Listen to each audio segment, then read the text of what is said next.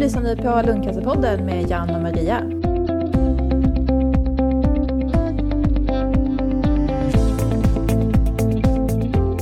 Hej och välkomna till dagens avsnitt på tema cancer och känslor. Tyvärr så är Maria inte här. Hon är hemma och vabbar. Själv så eh, mår jag bra. Jag hade en lite tuff jul och nyår och hade väl någon sorts form av influensa. Men sen dess har det varit bra så jag har varit iväg med vänner och åkt skidor och druttat. Eh, gjort illa knät. Så nu rehabbar jag för det också. Annars så, ja det har varit ganska mycket mm, inom lungcancerområdet. Jag och Mia Rajalin som också varit gäst här och eh, co-host vi har eh, en del initiativ på gång för att öka kunskapen just om, om lungcancer, både hos allmänheten och vården och också vikten av tidig upptäckt för att öka förutsättningarna för längre överlevnad och bättre behandlingar helt enkelt. Så vi har skrivit en debattartikel som vi är mycket tacksamma för att svenskan eh, tog in. Och sen så var vi faktiskt också med i TV jag var med i SVT Morgonstudion och Mia var med i Aktuellt Rapport. Och sen så har faktiskt både DN och Svenskan uppmärksammat i våra fall och cancervården i ledare här. Ja, det var lite om vad som händer i mitt liv. Idag så sitter jag tillsammans med Ylva på Regionalt cancercentrum i eh, Stockholm. Du kan väl presentera för våra lyssnare, för mig och våra lyssnare. Absolut. Eh, jag heter Ylva Helstadius och eh, jag jobbar här på Regionalt cancercentrum som eh, just nu som processledare för psykosocial rehabilitering. Och vad är det? Jag försöker jobba för att utveckla det psykosociala stödet till cancerdrabbade i Region Stockholm. Det handlar mycket det beror lite på hur man, hur man lägger upp sitt uppdrag. Men jag har satsat väldigt mycket sedan jag kom hit, jag har varit här i ett och ett halvt år ungefär, eh, på utbildning. Både till vårdpersonal men även till patienter. Vad händer egentligen rent känslomässigt när vi får cancer? Mm. Och vad, vad, är god återhämtning?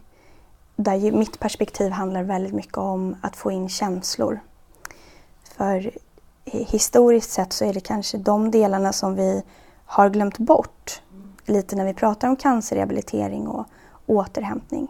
Vi har kommit så otroligt långt vad det gäller medicinsk behandling och det ska vi vara väldigt tacksamma för. Men nu är det som att det har öppnat upp ett litet fönster här kring att prata om hela kroppen. För att förstå det jobbet som jag gör här på RCC och vad min, min ingång till mm. liksom, hur jag tolkat det här uppdraget. Eh, då brukar jag ibland berätta om varför jag har valt eh, att prata mycket om känslor. Eh, för mig så började det ganska tidigt, i kanske tidig 20-årsålder, att jag kände att det var någonting som skavde i mitt liv. Framför allt perioder av rastlöshet och eh, ångest och oro. Sen eh, började jag forska när jag var i 25-26 års ålder. Och vad forskade du på då? Då forskade jag just kring alltså, återhämtning efter övre GI-cancer med fokus på ångest och depression. Mm. Ångest och depressionsutfall. Och sen hände allting väldigt fort i mitt liv. Jag gjorde min forskarutbildning, jag fick tvillingar och så genomgick jag en sån här eh, steg 1-utbildning i psykoterapi allt det här gjorde jag på tre, fyra år. Och stod sen på min disputationsdag för snart två år sedan och kände mig alldeles tom. Jag hade trott att då skulle det komma de här euforiska känslorna av att åh vad skönt, nu är allting över och nu liksom börjar livet på något sätt. Men det blev precis tvärtom. Jag var alldeles tom och jag kände ingenting. Och vid den tidpunkten så hade jag inte heller liksom redskap kanske att ta mig ur det där. Det var väldigt mycket fokus på barnen och väldigt mycket fokus på att bara få vardagen att gå ihop. Men då åkte jag iväg för att jag förstod att det, det här var någonting som inte riktigt stämde. Då. Så här ska man inte må. Så jag åkte iväg och sen så kom jag i kontakt med terapi som handlade om kroppen på ett helt annat sätt. Där man är inriktad på att integrera kropp och psyke. Mm. Och när jag kom dit, då förstod jag hur intellektuellt styrd jag var. Mm. Att jag hade liksom eh, huggit av min kropp för länge sedan och bara gått upp i intellektet och presterat och gjort alla de här sakerna men min kropp hade liksom inte hängt med. Så för att enkelt förklara det skulle man kunna säga att eh, jag hade tappat bort magkänslan. Så det blev en chock måste jag säga. Dels för alla år som jag själv hade eh, provat på olika former av samtalsterapi men även eh, en chock för att tänk att, det, tänk att det ändå kan gå så långt och att man helt tappar bort vem man egentligen är. Mm. Mm. Så det blev ett uppvaknande och det blev egentligen startskottet för det arbetet sen som jag har gjort här på RCC kan man säga. Ja, det är väl också, jag tänker på det som du ändå upplevt. Det, är ju, det känns som det är mycket, jag menar samtiden överlag just det att, att, att vara mycket uppe i sitt huvud. Och jag kan tänka mig också än mer när man drabbas av en, av en diagnos som, som ja, i mitt fall, jag är lungcancersjuk, då är det också jobbigt att, att känna många gånger det som kroppen säger. Så det är lätt att eh, ja, gå upp i huvudet. Precis, och det mm. var på något sätt som att mina egna erfarenheter förklarade det jag hade sett i min forskning som jag hade gjort under de, sen, liksom, de åren innan. Precis det du beskriver.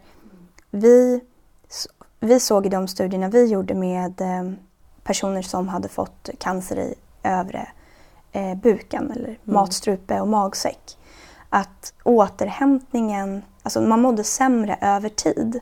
Ju längre man kom från operation och behandling desto sämre mådde man känslomässigt. Och vi trodde innan vi gjorde de här studierna att det skulle vara precis tvärtom. Att ju längre bort man kom ifrån sin diagnos och sin behandling desto bättre skulle man må. För då, hade man liksom, då var det här borta ur kroppen. Men med min egna, jag kunde liksom pussla ihop det här med den erfarenheten som jag fick då när jag, när jag kom iväg. Att ja, det är klart, för att man är utsatt för sån stor press och sån stor känslomässiga svängningar under väldigt kort tid. Att hänger inte det emotionella med, hänger inte känslorna med, då kommer det sen. Ditt arbete efter den här erfarenheten, är det främst, riktar det sig till patienter eller är det vårdpersonal? Eller?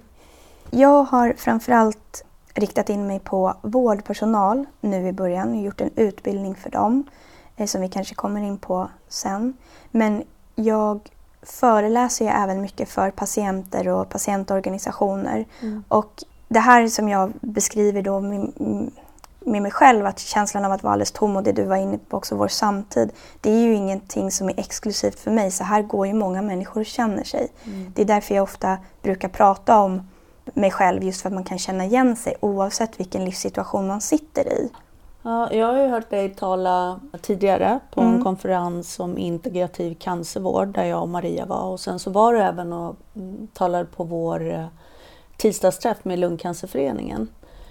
Och då berättade du just om hur cancerbeskedet för många kan bli en traumatisk upplevelse. Eh, om vi börjar med begreppet liksom, trauma. Mm. Hur skulle du eh, förklara det? Mm. Den definitionen som jag jobbar med vad det gäller trauma och som många av mina kollegor gör, den kommer från en eh, amerikansk forskare som heter Peter Levin och som har forskat kring trauma i över 40 år. Hans forskning och hans, idag är det en, en eh, metod och en teoribildning kring trauma. Eh, den utgår ifrån att en traumatisk händelse definieras som eh, too much, too fast, too soon.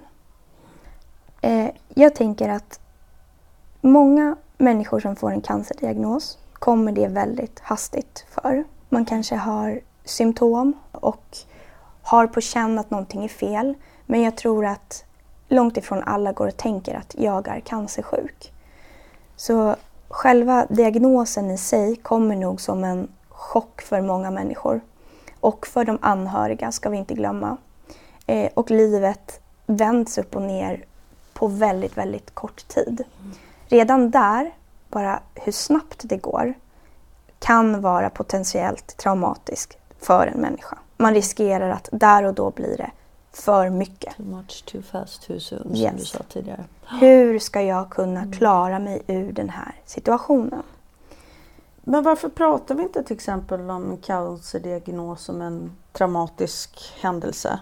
När, när vi ändå vet att de flesta patienter genomgår en krisreaktion när, när de får ett cancerbesked. Jag tror att det kommer. Jag tror att det är, som jag sa inledningsvis, jag tror att vi har varit så inriktade på överlevnad och behandlingar, vilket vi ska vara tacksamma för, för det gör att vi lever, fler människor lever längre med cancer. Vi har fler personer som blir, eh, som blir friskförklarade.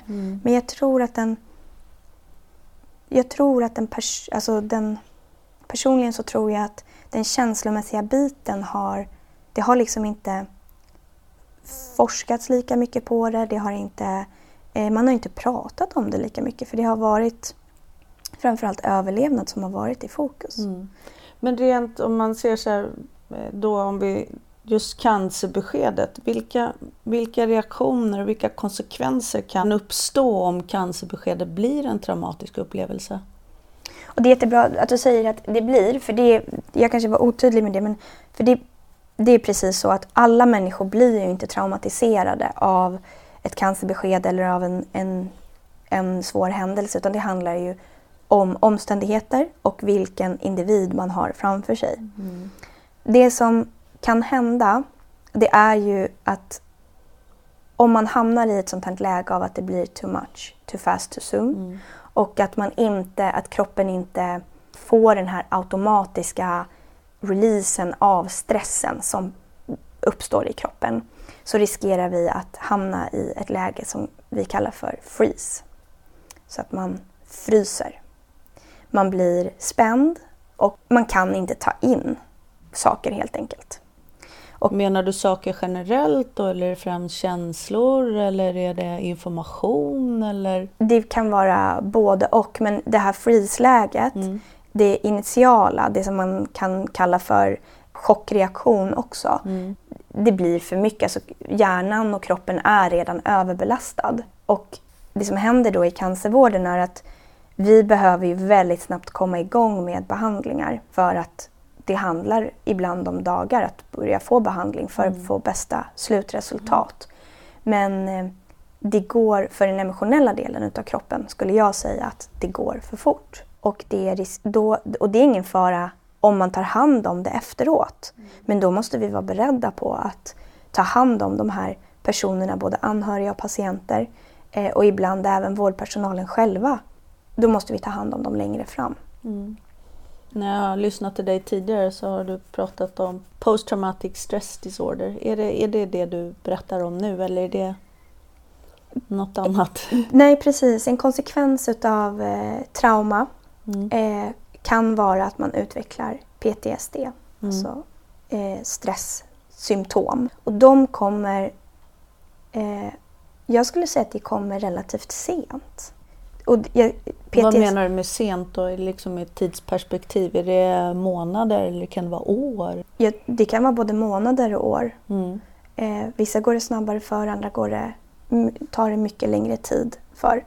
Och man började prata om PTSD efter Vietnamkriget. Symptomen kan vara framförallt att man blir väldigt spänd och väldigt stressad. Man känner sig väldigt jagad.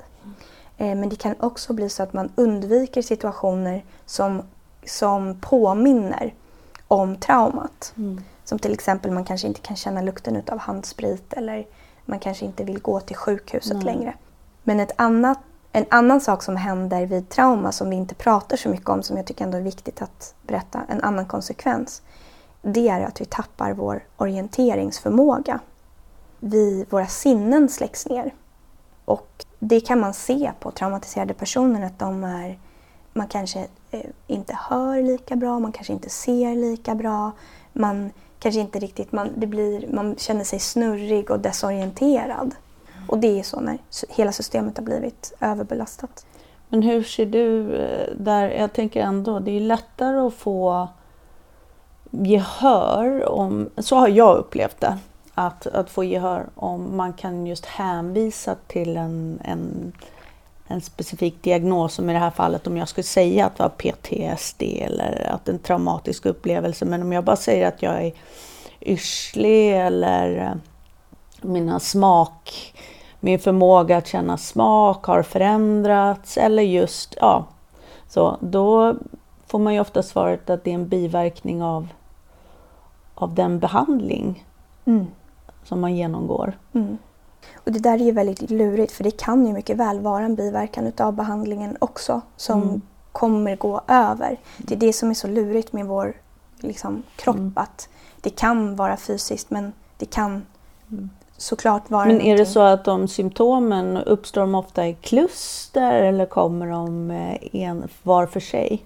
Um, oj, vilken bra fråga.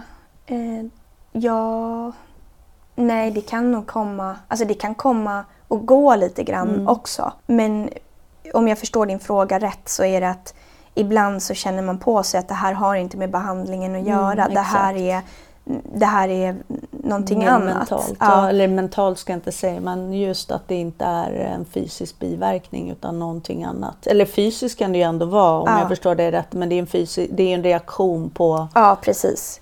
Och, och det är jättelurigt. Eh, och jag brukar säga det att för det första måste man ju utreda att det inte är något fysiskt som man kan liksom ordna till. Och under aktiv behandling så kan det vara svårt att veta. Mm. Men sen tror jag att vi generellt behöver vara bättre på att sprida kunskap om trauma och vad som händer med vårt nervsystem och vilka symptom det kan ge i cancervården. Och där är min upplevelse i alla fall att vi inte riktigt är ännu. Mm. Om vi då talar om beskedet som, som sådant. Har du några tankar om hur man ska ge ett cancerbesked på bästa sätt och sen också hantera, ta hand om patienterna som får det och även närstående. Mm. Eh, det första man kan göra för att liksom minska risken för att hamna i det här freeze-läget mm. Eh, det är att inte få gå för fort helt enkelt. Man kanske måste ge cancerbeskedet idag. Eh, det kan inte vänta. Men att man ser till att den personen har resurser omkring sig. Man kanske har någon med sig.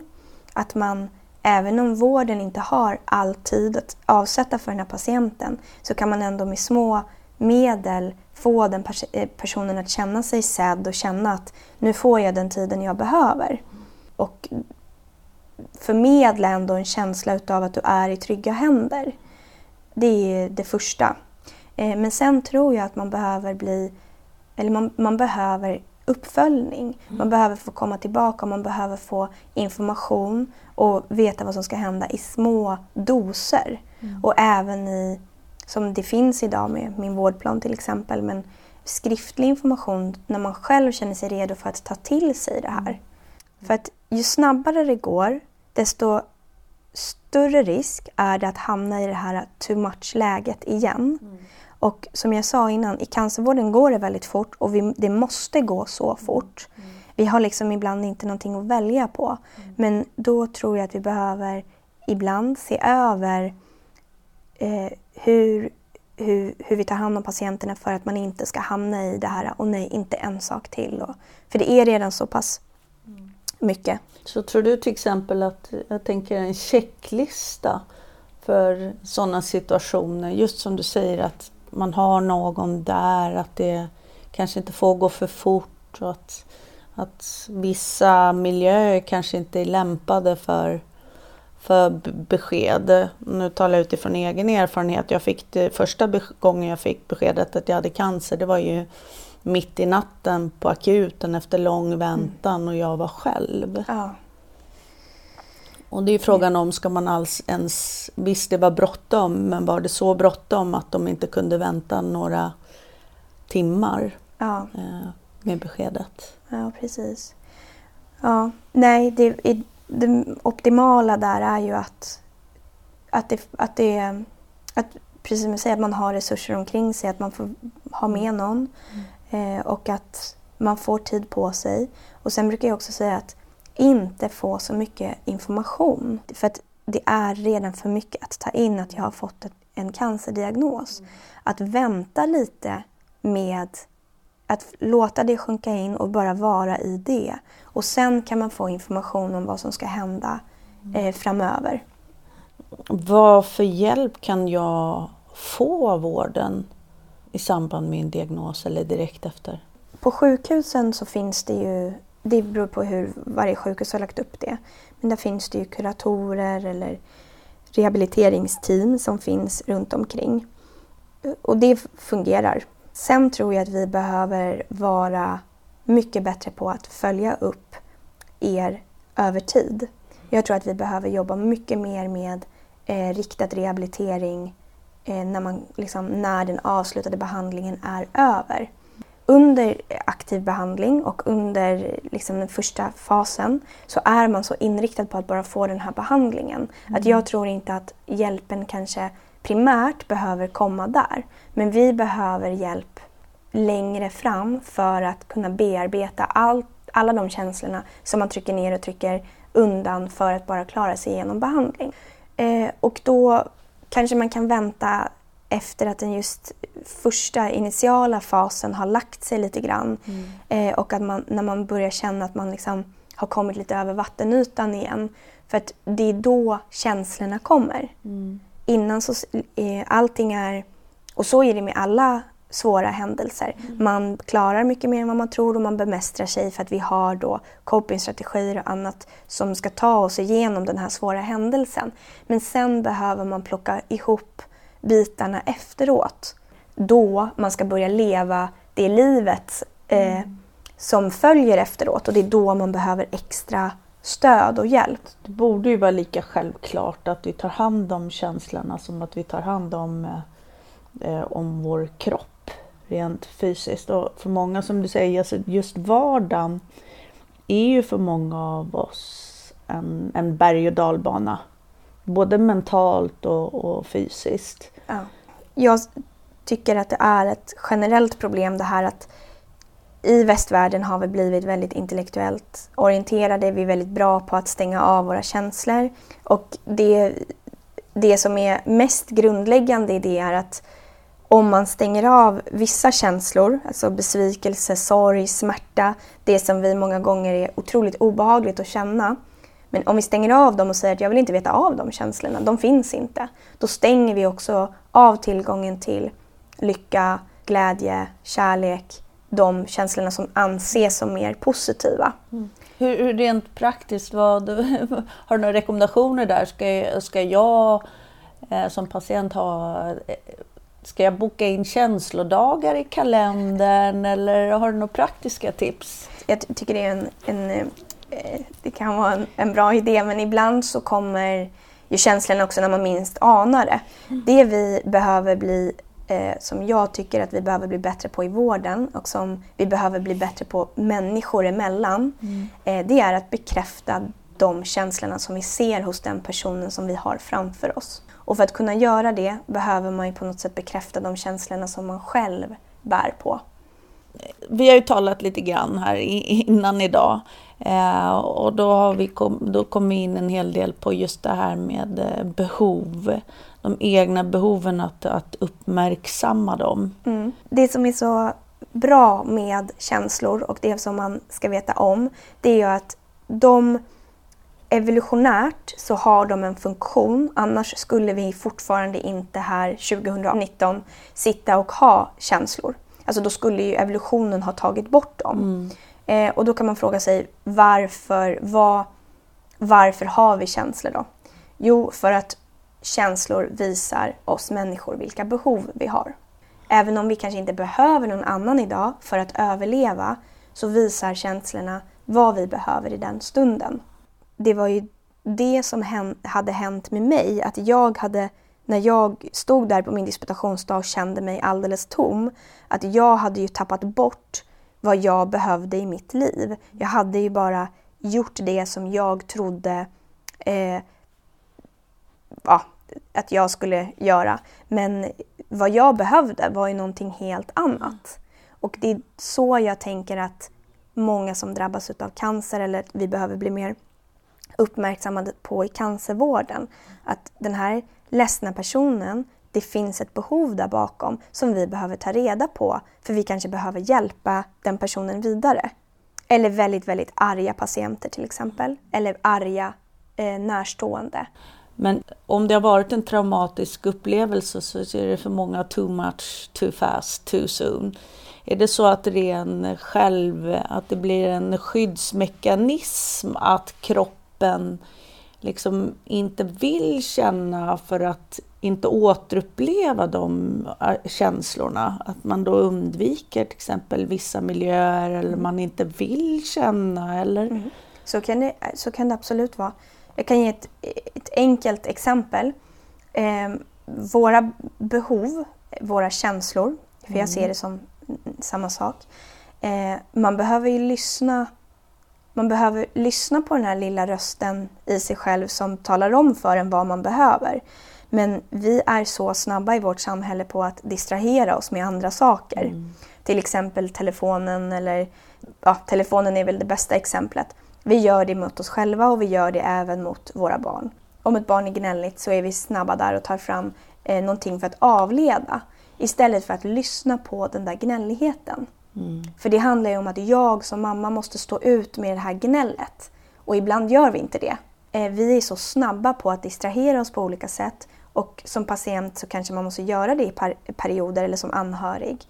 Men någon gång så kommer de här känslorna och pockar på och då behöver vi lyssna på dem. Mm. Det ställer oerhört höga krav på den vårdpersonalen att bemöta det här. Och då ska man också veta att det kanske inte är det enda samtalet som den personen har idag utan man har flera, flera samtal. Mm. Och jag tror att man behöver hämta andan däremellan och jag tror att man kanske inte klarar eh, av att liksom ett sätt att klara av att jobba på det sättet kan ju vara kanske att distansera sig lite grann eller mm. att fly in i någonting annat. Så din rekommendation är att lyssna mer till oss som är patienter. Vad behöver vi just nu och hur kan vi tillgodose de behoven? Ja, ja. för det är först då som vi kan få rehabilitering av rätt mm. orsak eller man kan få hjälp på... Man, eh, ofta kanske det kan vara så att man tror att man behöver någonting eller man hör andra som har mm. fått mm. men det passar inte mig. Nej. Och därför säger man behöver inte distrahera sig utan lyssna till den där lilla rösten att, och gå på sin magkänsla. Mm. Det här behöver jag eh, nu. Mm. Så några korta eh, punkt, om vi ska punkta det då, då är det att, att utgå från sina egna behov, att undvika too much-lägen. Nej men att ett, lyssna efter vilka behov man har och för att kunna göra det så behöver man ha det tyst och lugnt och inte sitta i mobilen och scrolla eller vad det kan vara. Och sen eh, att tillåta sig själv att liksom sakta ner. Att allting får gå lite långsammare.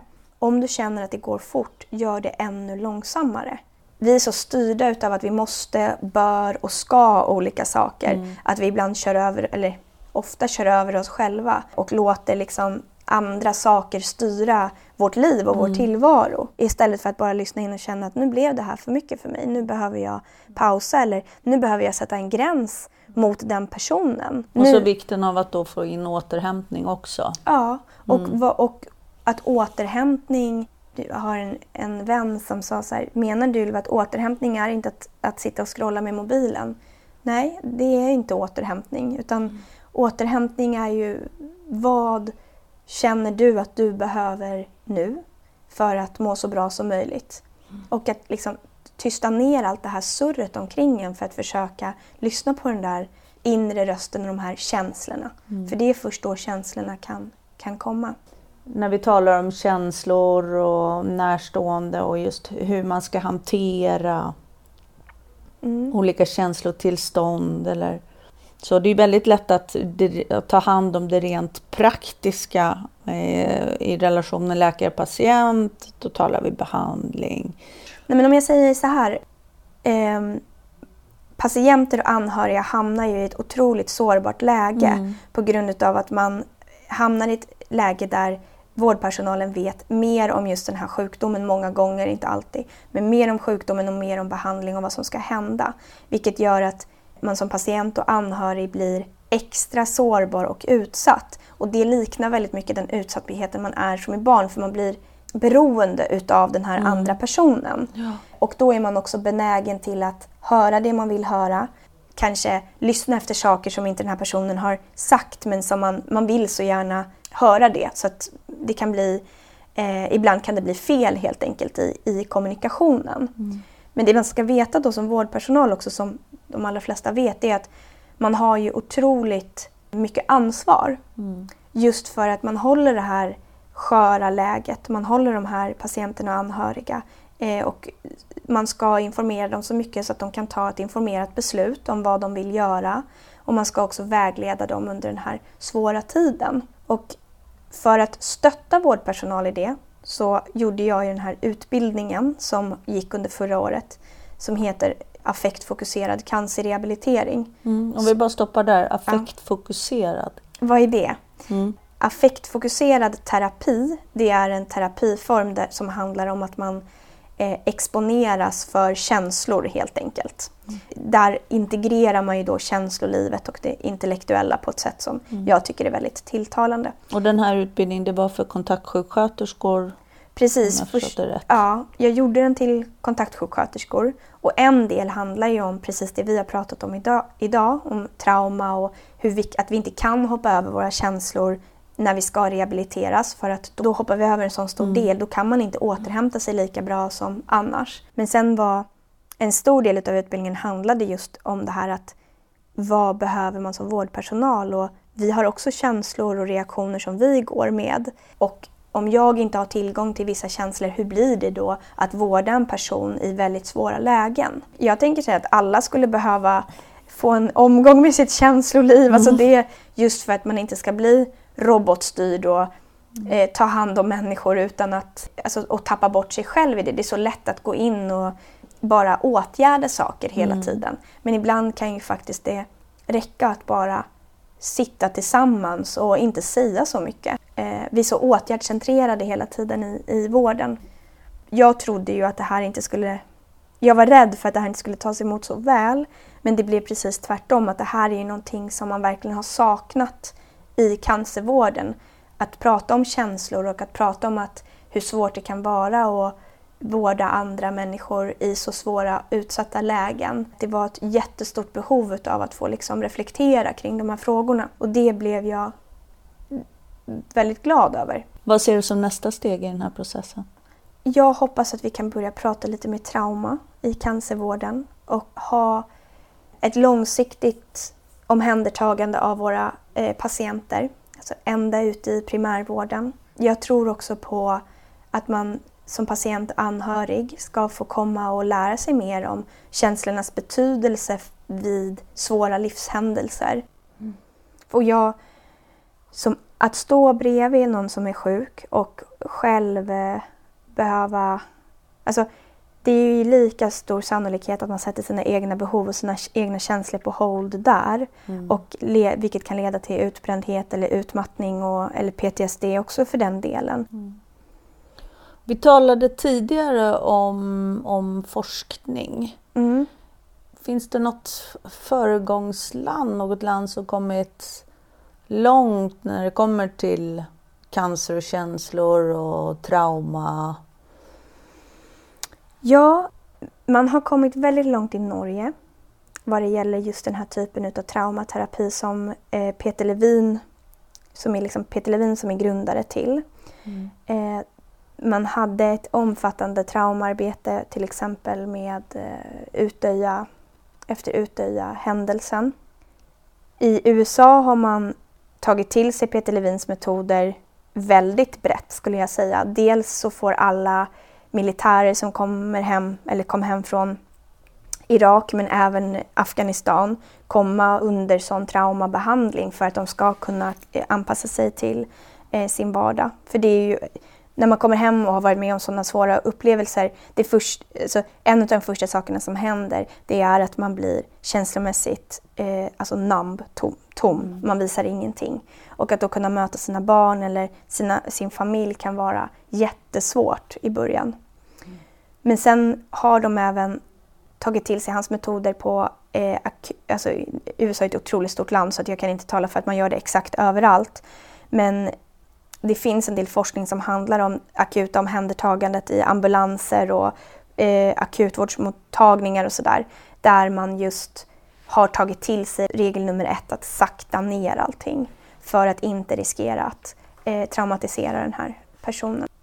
Om man ser till forskning eh, i, i stort idag, vad, vad görs det för forskning inom det här området, både ute i världen och, och i Sverige? Det har ju kommit en del forskning eh, inom cancervården vad det gäller PTSD, alltså posttraumatisk stress. Eh, och även eh, att man överhuvudtaget lyfter känslomässiga aspekter utav cancerdiagnos, behandling. Eh, det kommer ju hela, hela tiden nu. Mm. Så att jag, tycker, alltså jag ser väldigt ljust på framtiden och jag hoppas att, eller jag tänker att det kommer, det, det kommer bara bli bättre och bättre. Mm. Mm. För att vi lyfter de här eh, frågorna i så många sammanhang nu. Mm. Innan vi rundar av, är det något som du vill lämna våra lyssnare med? Ja, jag skulle rekommendera alla människor att ta en stund varje dag och bara försöka öva på att ha lite tråkigt. Bara sitta ner på en stol, koncentrera sig på hur det känns att sitta på den här stolen, känna ryggraden mot, eh, mot eh, stolsryggen och känna sittbenen under rumpan. Och sen bara ta fem minuter och andas. Det kan göra underverk. Tack Ylva. Eh, tack. tack för att du kom hit idag eh, och delade med dig av ett så viktigt ämne. Tack. Eh, innan vi avslutar vill jag kommentera ett av våra tidigare avsnitt där Suki Choi gästade och berättade om sin bok Kimchi Kombucha, den nya vetenskapen om hur tarmbakterierna stärker din hjärna. Boken har på sistone diskuterats en hel del i media. Och för att förtydliga boken och poddens eh, innehåll med budskapet så vill vi citera Suki som säger det här är en populärvetenskaplig bok, inte en vetenskaplig publikation. Jag har varit väldigt tydlig med att det här handlar om tidig forskning, prevention och friska människor. Om du som lyssnar vill komma i kontakt med Ylva så kan du hitta kontaktuppgifter på lungcancerpodden.se under information om det här avsnittet. Ha det nu så jättefint ni där ute. Hej då och på snart återhörande. Tack för att du lyssnade på Lungcancerpodden med Jan och Maria. De senaste avsnitten hittar du alltid på lungcancerpodden.se eller i din podcastapp.